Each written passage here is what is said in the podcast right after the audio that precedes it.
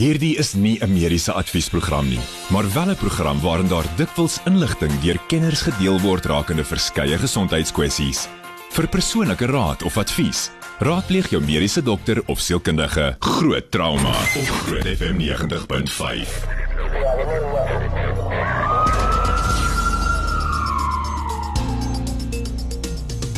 Baie welkom by Finansie Groot Trauma. Ek is Pieter Kloete saam met Dr. Jaco van die Kerk, uh, direkteur by Montana met 24 se trauma eenheid en ook sy eie praktyk daar in Pretoria Noord en wel onbekend in Pretoria en Gauteng in Suid-Afrika. Jaco is lekker om jou weer te hê. Goeienaand Pieter, goeienaand almal by die huis. Lekker om hier te wees. Ja, kom ons vals maar by die deur in die huis uh, en ons begin praat oor bouwerk wat aan 'n Gauteng se nuwe patologie eenheid geduur uh, gedoen is wat nou al reeds 6 jaar duur. Ek meen dis bietjie lank vir 'n huis om gebou te word. ja, Pieter, dit is nou byna 6 jaar um, wat hulle al bou aan die nuwe patologie eenheid vir Gauteng se gesondheidsdepartement. Ehm um, tans is die is die patologie eenheid in ehm um, Johannesburg in Hielbrau wat 'n baie baie ek wil amper sê ehm um, swak struktuur al is. Um dit is so sleg dat hulle sê um initieel wou hulle die Gautengse departement net die um die infrastruktuur regmaak van die huidige patologie dienste maar um, op op nadere ondersoek het hulle besluit om eerder 'n nuwe gebou te bou teen 'n koste van 588 miljoen rand. Hm. Dit het begin in November 2016 en sou dan aan die einde van 2019 moes klaar wees maar tans is hy net 71% klaar en hulle verwag om eers teen Januarie 2023 klaar te wees teen die tempo wat hulle nou um bou. Nou as redes word daar aangevoer dat die konstruksiewerk um vertraag is deur swak diens deur professionele spanne. Nou jy weet aan die einde van die dag ons almal weet in die staat moet jy tenders indien en dit moet gekies word. So die keuse moet gemaak word oor watter professionele span vir jou gaan werk. Dis die een ding en dan die tweede ding is die verandering van blou bouplanne tydens die konstruksie. Nou dis ook eintlik 'n ongehoorde ding. Ons almal weet wat al huise gebou het, jy weet jy moet eers jou planne indien en dit moet goedgekeur word en dit moet gereeld nagegaan word dat jy by die plan bly. As jy begin bou en jy gaan kort kort jou plan verander, gaan jy ook nooit jou huis klaar kry nie. Ehm um, wat dan aan die einde van die dag ook lei tot bykomende kostes. So dit sal interessant wees om te sien, um, hulle het begroot vir 588 miljoen waar dit gaan eindig en hulle het begroot vir 3 jaar, ons staan al op 6 jaar en ons is nog steeds nie 3 kwart klaar nie. Um die probleem is egter ook dat die diens van die van die patoloog wat tans tans werk in 'n vervalle Hielbrau gebou ook stadiger is as wat dit moet wees. Ons almal weet ook postmortems of nadoetsondersoeke in die staat is so ver agter en en die patologie dienste is so ver agter. Mense wil eintlik vir hulle graag die optimale omgewing gee om hulle werk in te kan doen en ehm um, duidelik gaan hulle dit in die volgende 2 jaar nog steeds nie gedoen kan kry nie. Dit lyk nie of hulle gaan plan maak nie. Dit lyk definitief nie so nie. Hoorie, so maar ek wil net by sê ek wens ook hulle wil die staan wil begin werk soos die privaat sektor. Ek meen as mense kyk na ehm, 'n um, groot ontwikkeling, as 'n kontrakteur aangestel word, dan word daar duidelike riglyne gegee en tydlyne en as hulle nie by daai tydlyne hou nie, word daar dan boetes op ja. wat die ehm um, wat die kontrakteur dan moet betaal mm. en wat dan van sy finale betaling afgetrek word as hulle nie op daai riglyne en tydlyne hou nie. So ek kan nie verstaan hoekom daar nie ook tydlyne was met met hierdie bou nie, maar ja, ja. definitief. Ek dink dit gaan maar oor beplanning en ek dink ehm um, daar moet tog druk uh, van beide kante af um, eerstens op jouself as jy 'n kontrakteur is geplaas word en dan as jy nie as jy nie um na wense presteer nie, dan moet dit jou geld kos aan die einde van die dag. Kyk, nog iets wat my warm onder die kraag maak is die mm -hmm. feit dat ons weet hoe ons staatshospitale lyk. Ehm um, en ons weet hoe dit daar gaan en dan lees jy mense artikel op Marula Media wat deur Megan Swart geskryf is wat sê dat die Gauteng departement van gesondheid moes 2.6 miljard rand aan die provinsie se tesourier teruggee uh omdat hulle dit nie gebruik het nie. En ek meen dit dit dit moet glad nie gebeur nie. Ek meen hierdie ehm um, byvoorbeeld die Gauteng departement van gesondheid kry 'n sekere begroting wat hulle moet indien en dit word goedgekeur deur die tesourier. En dan kom ons sê vir argumente onthou wat dit is 200 miljard rand vir die jaar van 2021-2022. Dan moet daai 222 miljard rand gebruik word. Hmm. Dan moenie 'n sent in daai rekening van die Gauteng departement oorbly nie. Na regte nie, Jaco? Nee, definitief. Ehm um, ek dink die die groot gedeelte van die van die ehm um, begroting gaan uit die aard van die saak vir vir poste en en vir salarisse. En dan die ander groot gedeelte is eintlik maar vir opgraderingswerk en herstelwerk en instandhoudingswerk van die hospitale. Nou, ehm um, as mens gaan lees wat wat sy daar skryf, sê hulle die 365 miljoen rand moes teruggegee word um, en dit moes gebruik word vir salarisse um wat dan nou nie gebeur het nie en hulle sê dan as rede dat dit al vakante poste is. En ons het nie te lank terug nie ook oor oor hierdie geld storie gepraat van die van die staat en die gesondheidsdepartement. Um en aan die einde van die dag weet ons ook daar's dokters wat werk wat nie salarisse kry nie. Nou wonder mense net waar gaan daai 365 miljoen hoekom word hulle nie betaal nie. Die ander ding is ons sien ook dat groot hospitale wat brand nie herstel word nie. Hoekom brand hulle want dit word nie in stand gehou nie. Ons hmm. ons lees van van uh, waskamers wat wat aan die brand slaan. Ons lees van van alles wat uitmekaar uitval. Maar waar gaan daai 2.6 miljard reën wat eintlik dan ehm um, vir instandhouding en opgraderingswerk gebruik moes word? Hier is nog 'n voorbeeld. Ek meen daar's 'n tekort aan skoon linne wat lei daartoe dat verskeie operasies by die Chris Baragwana of Chris Hani Baragwana Hospitaal in Johannesburg gekanselleer moet word. Ja, jy weet ehm um, en en dit is uh, dis eintlik nou basies woordvoerder van die gesondheidsdepartement wat dan erken het dat daar 'n groot linnetekort in die hospitale is omdat die wasmasjiene nie in stand gehou is nie en gebreek het. Nou jy weet as 'n wasmasjien breek dan moet jy en jy het 'n begroting van daai tipe van geld dan kan jy jy kan 'n hele paar wasmasjiene koop jy weet hmm.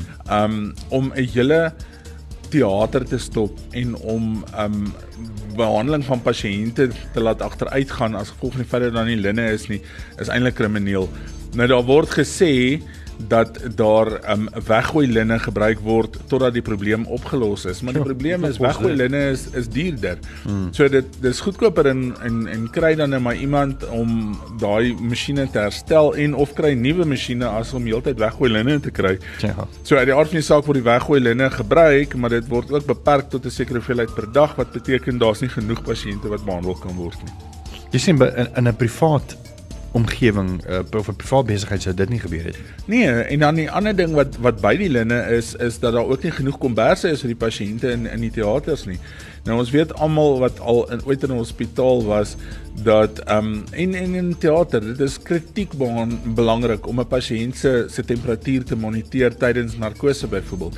'n Pasiënt koel baie vinnig af en en en dit het sy eie komplikasies.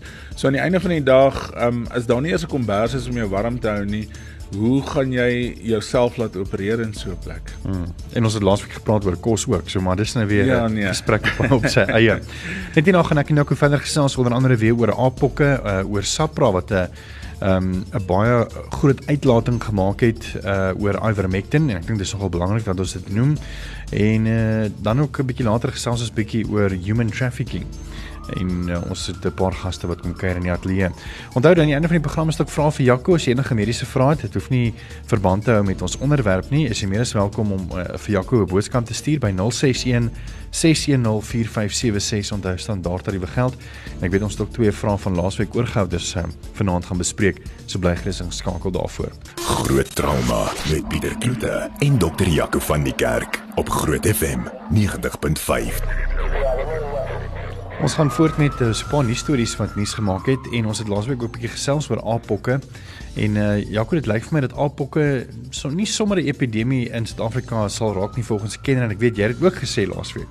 Ja, Pieter, ek dink ehm um, die groot ding is ek dink die Nasionale Instituut vir Oordraagbare Siektes het dan in 'n media konferensie gesê dat hulle nie bekommerd is oor die feit dat dit dalk 'n epidemie in Suid-Afrika kan raak nie. Ek dink ons gaan definitief eers langs die pad apokke sien in in Suid-Afrika omdat Johannesburg en en Kaapstad waarskynlik een van die of twee van die stede is wat baie internasionale reisigers lok. Um en daar's baie mense wat in en uit gaan um deur daai twee twee uh, uh, lughawens. Um maar apokke is nie so aansteeklik soos byvoorbeeld COVID en en van die ander virus siektes nie jy het redelike intieme kontak nodig en dis hoekom dit dan ook as 'n seksueel oordraagbare siekte deels gesien word. Ehm um, so ek dink dit is nie so maklik aansteekbare siekte nie en ek dink as 'n mens dan isolasie van van kontakte baie baie goed nagaan um totdat hulle gesond is, dan gaan mense hierdie ding heeltemal kan stop. Um in Suid-Afrika is daar tot op hede nog nie 'n bevestigde geval of 'n sterfte aangemeld nie. En um ons hoop dit bly nog vir 'n redelike ruk so.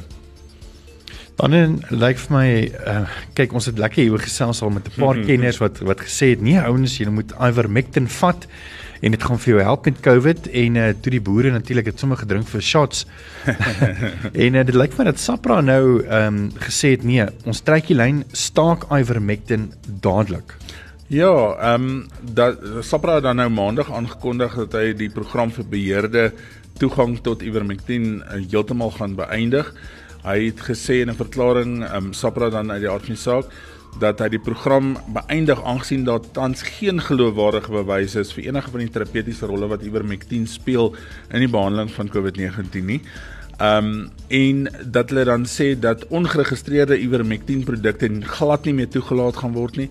Gesondheidsfasiliteite gaan nie toegelaat word om ehm um, ivermectin aan te hou in groot maat nie.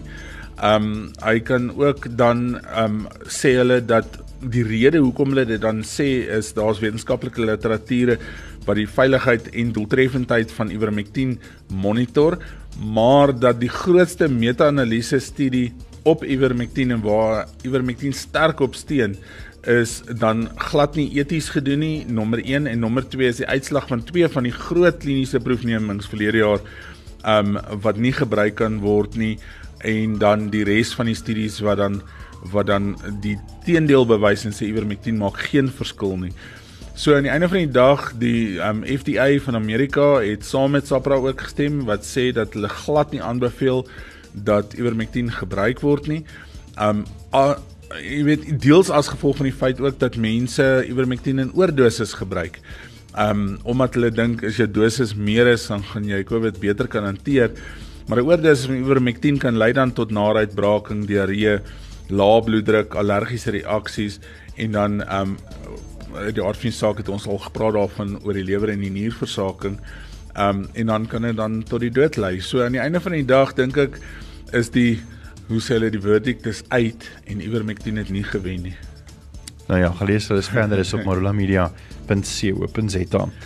Bly gesing skakel net hierna het ons ons gaste in die ateljee ons gesels 'n bietjie oor mensehandel.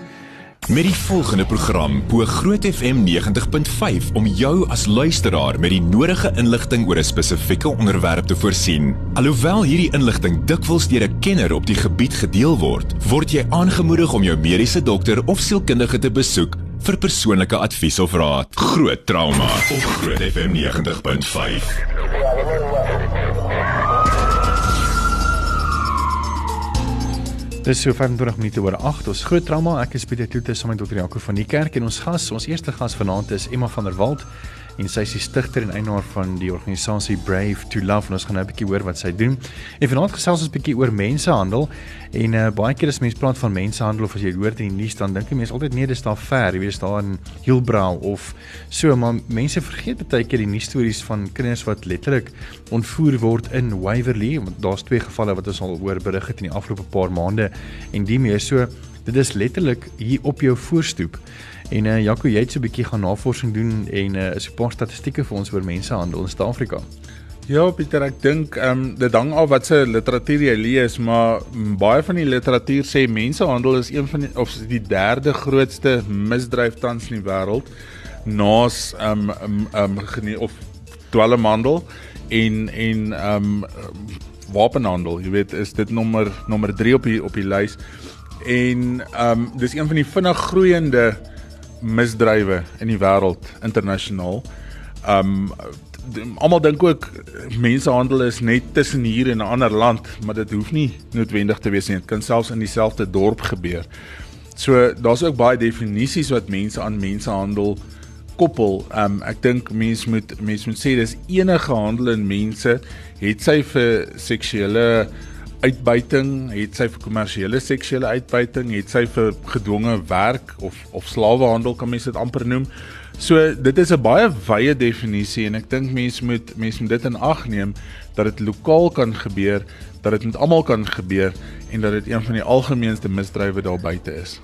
Eban van der Walt, jy is die stigter en eienaar van Brave to Love. Tans 'n bietjie jou storie, hoe dit gebeur dat jy eendag besluit het hoorie so ek wil graag hierdie organisasie ehm um, stig Ja, ek sê altyd as mens werk met meisies in prostitusie en uh menseslawerny, dit het 'n manier om jou te vind. Jy vind nie noodwendig dit nie. Hmm. Um en ek dink my storie maar begin um ons het baie uitreik op die strate gedoen um van so 8 jaar terug al. Um ek het 'n baie diep passie en liefde vir meisies gekry wat in prostitusie is en ek het gaan luister op die strate um in die bordele wat is hulle storie en regtig net verhouding probeer bou met hierdie meisies en dat dat hulle regtig um uh, natuurlik um uit 'n uit 'n Christelike perspektief ook. Dit was my hart. Ek was 'n leraar gewees by gemeente en uittrek en en Jesus vir die meisies gaan wys en um baie geleer. En um ja, en toe so ek baie begin verstaan van ek wat gaan ek obviously is begin 'n donker kant van die wêreld te sien in in in prostitusie. En toe kom dit so, ek dink so as jy ons het 4 jaar terug formeel geregistreer waar die Here my man het ingeroep het gesê hoor jy lê jou lewe neer, dis wat die Here wou gehad het ek moet doen. Um die Here het eintlik my baie duidelike woord gegee vir my gesê in al Engels die dag, maar het vir my sê go fetch my daughters. Um en dis wat ek gaan doen. Ek het sy dogters ek gaan al sy dogters op die straat vandag. So dis dis ons werk. Ons gaan soek hulle uit. Ek gaan loop in donker plekke in en ons ons partykeer wat ons gewere saam en ons gaan haal die Here se dogters want ek glo hulle behoort aan hom. En ehm um, ons bring evangelie. So en en dis waar ja, mense slawerny my natuurlik baie vinnig in die gesig gestaar het, want toe begin ek besef ehm um, oor die my hierdie meisies kan nie uit die plek uitgaan nie. En hulle kan nie ek meen die een bordeel was letterlik 3 km van my huis af. Sure. En ehm um, die meisies het met my begin. Ons het gaan geskenkies aflaai by die bordeel en ehm um, die oomblik daarna toe stuur 'n meisie vir my WhatsApp van ons helplyn wat hulle bel. Sy sê vir my nee, sy wil net so dankie sê vir die geskenkie want dit is eintlik haar kind se verjaarsdag vandag en toe ek dit hoor, toe ry ek dadelik Pep toe en gaan koop nog verjaarsdaggeskenke. En ehm um, en toe besef ek hoorie maar hierdie meisies ehm um, toe vra ek vir hulle het hulle kan hulle uit die bordeel uitloop? Toe sê hulle ja, maar ek moet versigtig wees en toe kry ek hulle by 'n koffieshop en dit was my eerste belewenis van mense slawerny. Toe besef ek hoorie maar hulle daar's gewere in hierdie plek, daar's dwelms in die plek, hulle is verskriklik bang. En ja, ek het daai tyd nog nie 'n regte netwerk gehad in in in die polisie nie, maar daat ek hulle letterlik 'n Uber gestuur en die meisies uitge-Uber en hulle uitgekry. Sure. My bietjie my lewe in in gevaar gestel, maar maar ja, ons maniere, maar dis ons eerste storie, dis hoe dit begin het. En van daar af het ek 'n baie diamante al gevind op die strate. Um oor die hele Gauteng en Witbank en al die plekke waar ons vandaan kom, maar oral, ehm um, Hielbrau ons doen Hielbrau, maar ja, oral in Johannesburg en ander provinsies en ja, ons het 'n restaurasieproses vir die meisies. Ehm um, ons, haal hulle uit en ehm um, en ons het 'n ons het 'n tweede fase huis waar van ons meisies nou is wat ons skills development doen, onderrig. Die girls swat lekker, hulle swat ehm um, ja, dit is daar's nou baie om te sê maar. Ek dink dit is wat hierdie onderwerp so skrikwekkend maak, is die feit dat jy gesê het dit was 3 km van jou huis af, jy weet. En dit kom net weer by ons weet, ons ken nie ons bure nie, jy weet. Mense sien hierso is nou so 'n paar karre wat in en uitry, maar jy gee nie, nie eintlik nie om nie. Ek meen dit is maar half die kultuur waarin ons deesdae is wat eintlik ongelukkig is, jy weet. Van die dae toe is nog ons buurmanne en ons en ons buurt geken het, maar 3 km ver. Dan is daar ook, ek dink Jaco gaan uh kom ons doen eers gou Jaco se mediese mite minuut en ek's bang ek gaan nou dalk sy mediese mite steel. en dan uh, gesels ons net nie na verder, bietjie later ook gaan ons met iemand gesels wat letterlik hierdie eerstehands ervaar het en sy gaan haar storie deel en ons kan nie wag om 'n bietjie van haar te hoor nie. So bly gerus ingeskakel daarvoor. Groot trauma op Groot FM 90.5. Ja, ons praat oor mensehandel en menseslawerny, maar ek dink een van die grootste mites daar buite is dat almal dink dit gaan gepaard met geweld. Jy weet iemand moet um, um, jy weet um, basies ontvoer word en dis gewelddadige besigheid, maar baie keer is dit 'n psigologiese um of 'n groter psigologiese aspek daaraan. Um soos om mense te begin oortuig dat hulle nie werd is om op 'n ander plek te wees nie en of hulle afhanklik te maak van jou en jou hele omgewing. Um so dit is also 'n groot psigologiese komponent aan en nie net 'n gewelddadige komponent nie. En ek dink die ander groot mite daar buite is dat mense dink dat net kinders en vrouens in die mensehandel betrokke is. Daar is daar's 'n groot persentasie van mans afhangend van waar jy in die wêreld is, um wat ook in uh, basies uh, victims kan ek amper sê is van human trafficking.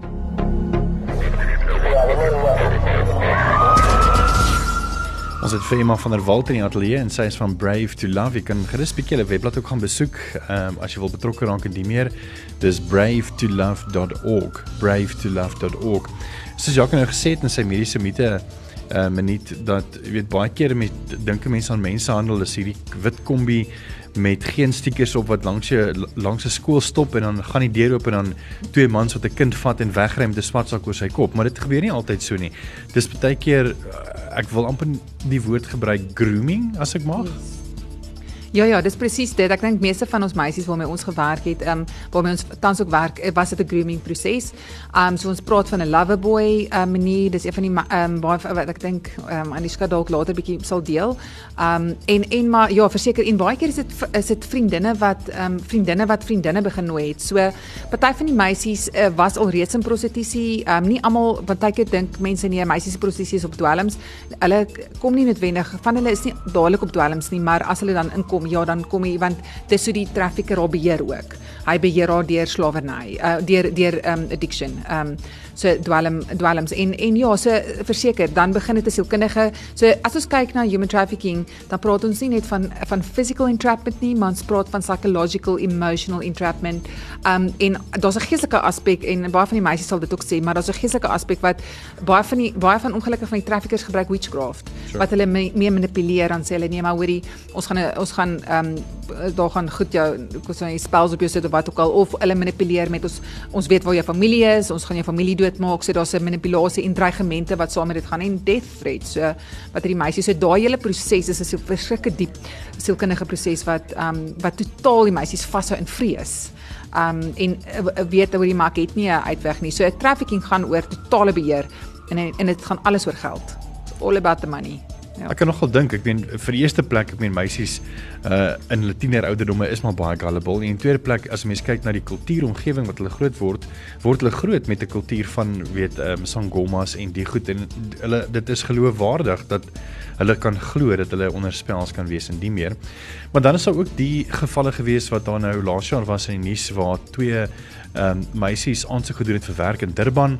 Ehm um, die persoon het die, screening gedoen en hulle gesê sê hulle het die werk om net afkom en uh, toegeplaas in 'n huis en toe het nog nog glad nie eers enigiets ehm um, vermoed nie. Ek meen dit was 'n mooi huis gewees, laat ingesit en letterlik daarna ehm um, toe hulle nou in is en in die huis is toe toe toe hulle selfone weggevat en die meer en toe het hulle nou begin met met die hele dwelms en die meer. So baie keer word dit ook uh, gebeur dit ook sodat mense dat mense letterlik weet gullible is deur aansoek doen vir werk en dan werk gaan werk.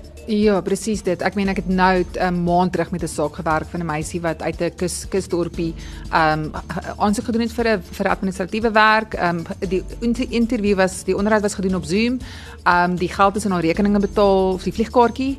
Ehm um, dis hoekom ons ek meen ons het uh, ons doen juist bewusmaking om daai goed en en dat daar oorgevlieg het sy hier kom twee mans waar by die lughawe ge, uh, kom haal uh, Uber gevat en sy was in 'n huis gesit en sy was gelukkig genoeg om op manier uit te gekom het. Hmm. Ehm um, ja, so dis verseker dis presies dis presies. So dit, dit is gevaarlik en ehm um, ek meen ek het ek het ons het met in Limpopo gewerk met meisies wat ehm um, um vier meisies wat ons daar gered het maar maar weer eens 15000 rand salaris aangebied.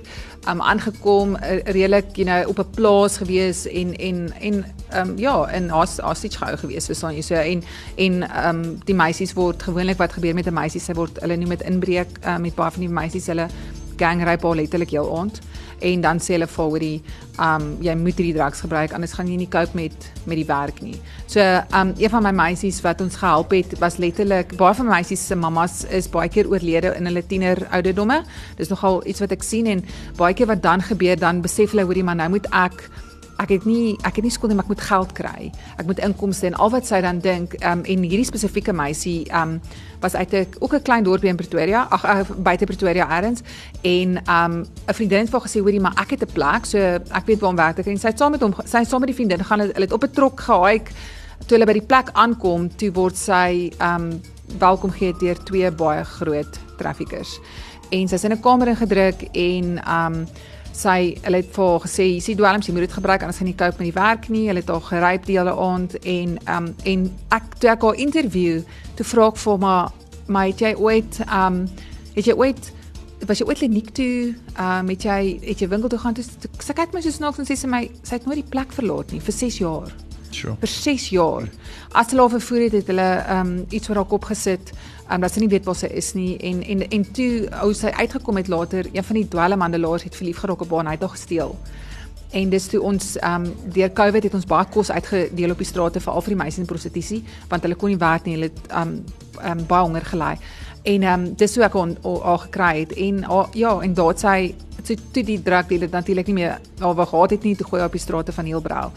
So ja, ons praat natuurlik oor trauma ook, maar ek meen haar trauma was um was baie intens. Um ek sê vir dan nie self of sy sal nie self 'n storie vertel maar ek dink die trauma is net so rof in haar in haar ja, sy sy het heeltemal um byvoorbeeld memory loss gehad vir um van voor voor die ouderdom van 16, 17 glad nie kan onthou nie en maar dis eintlik 'n amazing storie van hoe sy die een aand net geslaap het en sy het wakker geword en sy het begin sing die oggend. Toe onthou sy toe die met, met haar genesing het die het haar memories teruggekom. Toe besef sy hoorie maar sy sy het op sy het in die koor gesing op skool en sy sing verskriklik mooi. So dit was eintlik amazing hoe die memories, daar goeie memories toe begin terugkom toe die trauma begin um ontlont en begin genees. Saam met ons in die ateljee baie braaf, ehm um, is nou maar Anushka. Anushka, welkom. Ehm um, hoe is jou Afrikaans? My Afrikaans is 'n bietjie swak. Nee, maar jy uh. klink lekker. Hoorie, so eerstens baie dankie dat jy bereid is om om te kom en jou storie te deel. Ehm um, hoe oud is jy nou as ek mag vra? 21. 21. Ja. So vertel ons 'n bietjie jou storie en jy kan maar oorgaan Engels toe as jy wil. Ehm um, weet vertel ons 'n bietjie hoe dit begin en en ja, jou, jou storie.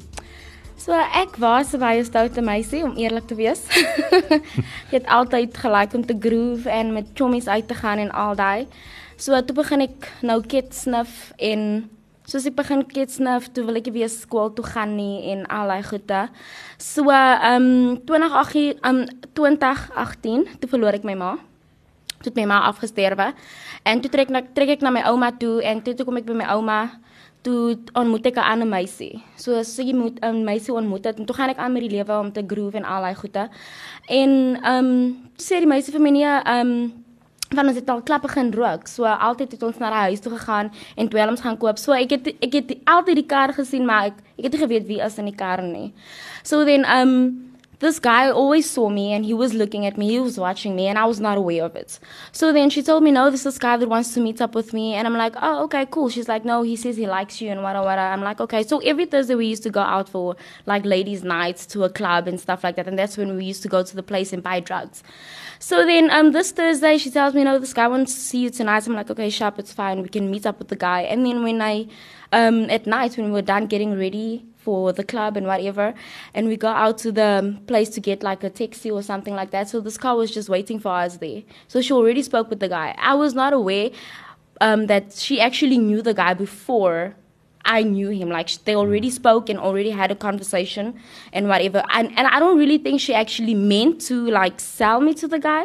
Her thing was just that she already was also hooked on the drugs. So she thought maybe no, I'm just gonna because of you like my friend, I'll talk to my friend for you and then you can give me something. Mm. So then um I met this okay, I when we got to the car, I'm like, no man, I know this car, but I'm like, I don't know where I know it from, but I've seen this car before. So when we get into the car, she sits in front, I sit in the back, and the guy doesn't look at me. Like, he doesn't turn his head and look at me. He just greets me. And I hear the accent. I'm like, mm this guy is not South African. His accent just sounds different. So we drive off to the guy's place. When we get there, he gives us the stuff. We, I, I was smoking rock. He gives us rock. He gives us um, alcohol, cigarettes, everything. We smoke, we drink, we party, and everything. It was nice. He ended up sleeping with my friend. And after sleeping with my friend, he told me, no, he's going to drop off my friend and stuff like that. So he dropped off my friend and he took me and we went back to the place. So for three days, three days I was at that at this guy's place. He was giving me food. He was treating me well, like a girlfriend. So the day that he went to drop me off at um, my friend's place, because I told him he must drop me off at my friend's place, he gave me money. He gave me drugs on top of that, and with food and everything. So um, after that, this guy every Thursday he used to like call me and ask me where are you. He wants to pick me up. He treated me like I was his girlfriend, and I w- I did not know what was going on. So he never this time he didn't take me and my friend together. He only took me. So then when we would go to his place, me and him, we would hang out. He would treat me like a girlfriend, buy me food, ask me if I'm fine, get me everything that I needed at that time, and then um, got to a place where this guy changed his, I don't know, his mind or whatever, and he told me that yes, um, what do you? He told me no, you owe me, and I was like, what do you mean I owe you? He's like, um, the money that you, the drugs that you smoke, where do you think I get the money from? And I was like, I thought we were cool all the time because I mean, I'm your girlfriend. You didn't mind giving me drugs, and you know that this is what I smoke, and all the time you were fine. And he told me, no, you you need to pay me back. So he took me to this other place, and the drugs that um, he started giving me, it wasn't pure rock, because now I started having withdrawals, and I always wanted to smoke. I always needed my next next fix because of I couldn't stay without the drugs. So I'm assuming that there was heroin inside the drugs mix. It wasn't pure rock. So when he took me to this place, he told they told me that this is what you're gonna do. You go and stand in the streets, you sell yourself, you come back, you give the money to me. And I could not do that when I was sober. So each and every time they would feed me drugs in the morning, um, and at uh, five o'clock, it's like morning morning sickness, wake up, and then it's wake up at night. So then he would give me the drugs, and then I would smoke the drugs, and I would go out. And I mean, you meet up with a lot of different kinds of people in the streets. There's like a lot of people that's psychopaths out there. I got raped three times. I um, got buried alive, almost got buried alive twice. This once, um, I was washing dishes and I couldn't even remember. Um, I did not remember the other part where I got almost buried, um, almost got buried alive. Like it was in the afternoon. I, I did not remember it, and then all of a sudden, just had this flashback, and I started crying. And it was like, where's all of this coming from? I did not remember all of that because each and every time when um, I was already like raped or when it happened that someone wanted to steal me and I got a chance to escape, I always go back to the drugs to just calm myself and forget about everything that happened. So um, this guy, I started working for him, and each and every like after two or three weeks, he would come and pick me up. He takes me to his place. When we get to his place, he feeds me. He tells me that I'm not gonna. He's not gonna give me drugs anymore. I, I'm smoking too much, and then he would give me weed. He would give me cigarettes. He would give me food so that I could gain weight because if he could see that now I'm losing weight again, and for him it's like he's losing business because now I'm no more the fresh girl that I was before. So he wants me to gain weight again, and then he would just take me every week um, after three weeks, and then he takes me and then he puts me in his house and then he locks me up. But then after that, he would give me money, and that money I'm supposed to use it at his place. I was not allowed to go and buy drugs from any other place. I couldn't escape at that time, even though I wanted to, because home was like a, a cab away. I could have went home, but because of I was already hooked, I just couldn't leave. And all these things started coming in my head that my mom passed away. I'm, I'm, I, I didn't want anything from my family. And I still, even today, I don't know why didn't I want anything from my family because all they wanted to do was to help me. But after my mom's death, I just felt like the world was crumbling. I don't know if that's the right word to use, but everything was just, I felt like I'm, I'm alone, I'm lost, I'm, I, there's nobody that I have anymore and I felt like my family. That's how I saw it. That my family doesn't want anything to do with me. Um, now they're treating me bad and stuff like that. But not realizing that I'm the one that didn't want anything from my family. I I wanted to. I was rebellious at that time. Also, I wanted to live my own life. So, yeah, that's that's um, how it is in the streets. And the thing is, it's scary because you never really know who you're gonna meet up with. And there was this other time I remember I was standing in the streets and this white GTI just popped out from nowhere, and this guy had money. You can see him that he's he's moneyed, and he's like to me, um, "Go with me for a night. I'll give you six thousand. So I believe that God was with me that day, and that was God talking to me because if I went with that guy, I was probably going to be I don't know in a different country, and I told him, my my feeling just my gut feeling just told me that this is not good this is not right don't go for it. And then i went for it. So all this time i believe that god was with me because there's a lot of situations that i got saved from. Because i once got raped with a gunpoint someone had a knife. And the other time this guy he literally drove away with me and i had to drive out um throw myself out of the window while the car was moving and i got injured. So there's a lot happening out there. There's a lot of people that's also going through their own trauma and they don't know how to deal with it. Mm. And then they take it out on us, sure. ladies in the streets. And I don't believe that anybody just wants to stand in the streets and be like, okay, this is my career. I want to be here. People go to the streets because of some of them, it's because of the situations at home. Some of them is because of um, you going through abuse at home you know, and some of them want to take care of their kids. It's not like you choose to be there, but you have no choice. Some of the people, they literally tell them that, no, there's a job interview for you here, come through, and then when you get there, it's not a job interview. They take you and they give you the drugs. And when you take the drugs, you're not yourself, you're someone else. You're different. It's not you. Unbelievable. Ek ek wil nou eintlik 'n liedjie breek van, maar daar's nog so baie wat ons wat ons wil doen en daar's so min tyd.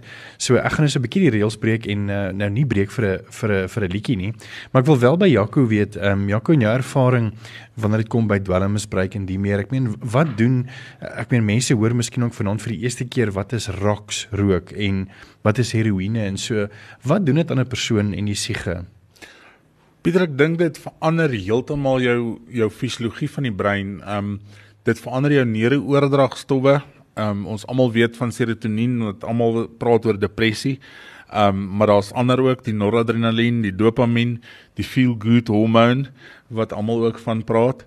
Ehm um, en mens wil graag jou jou verdowingsmiddels gaan gaan klassifiseer of jou drugs gaan klassifiseer as ander stimulant of 'n depressant. Ehm um, en dit hang af van mens tot mens wat die effek daarvan op jou gaan wees.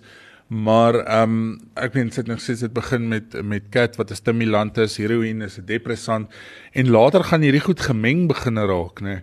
En dan weet jou lyf en jou brein eintlik nie meer wat kry jy nou? Is dit jy nou 'n stimulant of jy is depressant of waar is jy nou? En jou hele jou hele chemie agter agter jou brein en die hele jou hele manier van dink begin verander en dit is nie in jou beheer dan oor hoe jy dit gaan hanteer nie want jou hele proses van dink is besig om te verander op 'n chemiese vlak.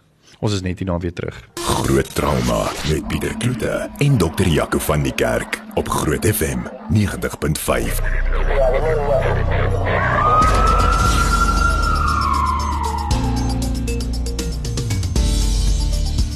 Ons gesels met Anushka, ons noem haar sommer so en sy is 21 jaar oud en sy het haar storie vertel as jy ingeskakel het en geluister het. 'n Merkwaardige storie van haar lewe. Ek dink baie keer dink 'n mens, oef nee, ek oef, my lewe was hel, dan moet jy net dink en baie keer weer ehm um, net luister na ander mense se stories wat regtig merkwaardig is. So dankie dat jy eerstens jou storie met ons gedeel het Anushka. How did it become that you got saved? Uh, if that if saved is the right word to use.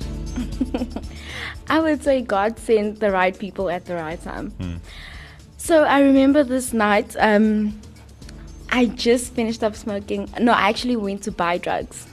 So I'm getting myself ready with my pipe and everything. I'm setting my station and I'm about to smoke. And here I people running in the in the yard. And I'm like, what is happening? when I just opened the door, hands down, hands down. I'm like, okay, tonight I'm going to jail. There's no way I'm not gonna sleep here. So um, what happened that night? Um, the Brave to Love team was there. Um, they came with guns and everything. Sure. And I was like, okay, tonight I'm going to jail. I even remember telling them my ID number wrong. And they kept on inserting the thing. and this lady wanted to slap me that it was with Emma. And I kept on, because I told her that I'm 21 years old and I was 19 years old at that time. So they asked us questions where are we from? Um, we told them where we're from. We were four girls. And um, that night they took us. They took us to a safe house in Brownsbreed.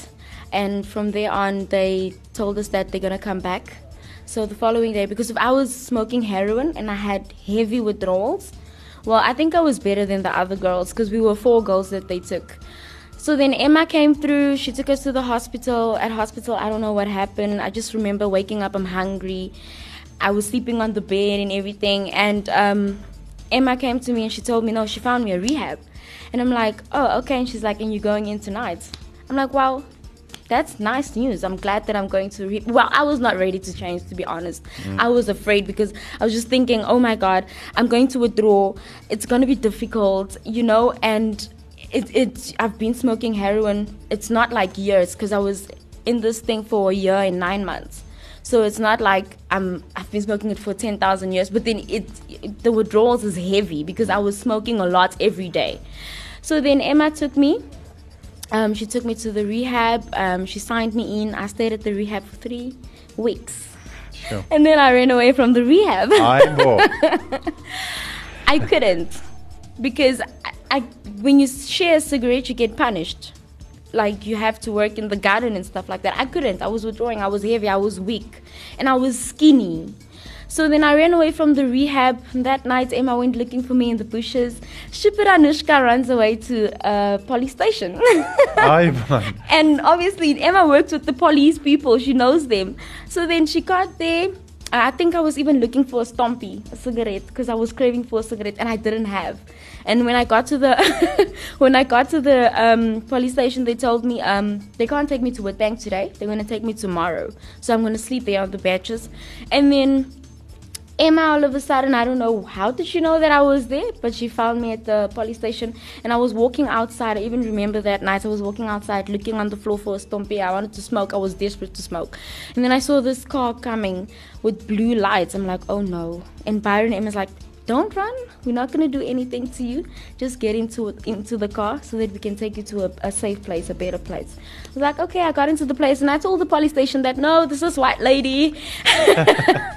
She's the one that trafficked me. She's the one that took me and stuff like that. And then um, Emma took me to this other house, our home and I stayed there for a year. I accepted God. Well, it was difficult every day because um, you were drawing, and then I just told myself, no, next month I'm gonna be better. I'm gonna feel better. I'm gonna, you know, forget about all the pain that I'm feeling now. And I just kept on moving by reading books, by listening to music, and keeping busy and spiritual stuff. You know, keeping myself also busy really helped to not think about it because you now start thinking about everything, and all the emotions come back, and now you have flashbacks, and now you cry, and now you know all those things come back so um, after that i was there for a year and after that i went home. And then i called emma because i always wanted to actually finish up my grades. And i told emma i want to i still want to continue with school. And emma was like okay it's fine i'm going to come and pick you up. Sure. emma came and picked me up. She took me to the brave house and when i got there um, yeah, and now I'm with um, Teacher Learning Center. I'm finishing off my grades, and I'm also working. Oh. Um, and I also want to save girls out there. I also want to be there for them because I realize that when you're in that life, you don't actually know that there are people out there that wants to help you. There are people out there that care. You don't think about that because you're getting abused and all of that, and you're feeling now. And I just kept on moving by reading books, by listening to music, and keeping busy and spiritual stuff. You know, keeping myself also busy really helped to not think about it because you now start thinking about everything and all the emotions come back and now you have flashbacks and now you cry and now you know all those things come back so um, after that i was there for a year and after that i went home and then i called emma because i always wanted to actually finish up my grades and i told emma i want to i still want to continue with school and emma was like okay it's fine i'm going to come and pick you up Sure. Emma came and picked me up. She took me to the Brave House, and when I got there, um, yeah, and now I'm with um, Teacher Learning Center. I'm finishing off my grades, and I'm also working. Oh. Um, and I also want to save girls out there. I also want to be there for them because I realize that when you're in that life, you don't actually know that there are people out there that wants to help you. There are people out there that care. You don't think about that because you're getting abused and all of that, and you think like everybody, no, nobody cares about me, you know. So I want to be there for people. I want them to know that there are people out there, and I want them to know that they also do have a voice and that they can some, tell someone else their story and can change someone else's life too, and it can save a life. So that's what I want to do. I want to share my story, and I want to be there for someone else, and I want to save a life. You keep on doing that, girl. Ehm um, ons tyd is al klaar met 'n hele paar minute verstreke. So weer eens dankie Emma. Ek sou graag nog baie wil gesels het. Ons kan miskien op 'n bietjie later die jaar weer 'n bietjie lekker gesels op lig. Ehm uh, maar dankie vir die werk wat jy doen en Anushka, keep doing what you're doing. Share your story and convert those people to Jesus, eh? En ehm um, ja, dis baie lekker geweest dat jy hier so is. En as jy meer wil weet oor die organisasie en jy wil graag deel word of help, ehm um, die webblad is brave2love.org. brave2love.org. Dankie julle hoor. Dankie Jaco. Dankie Pieter. Groot FM 90.5.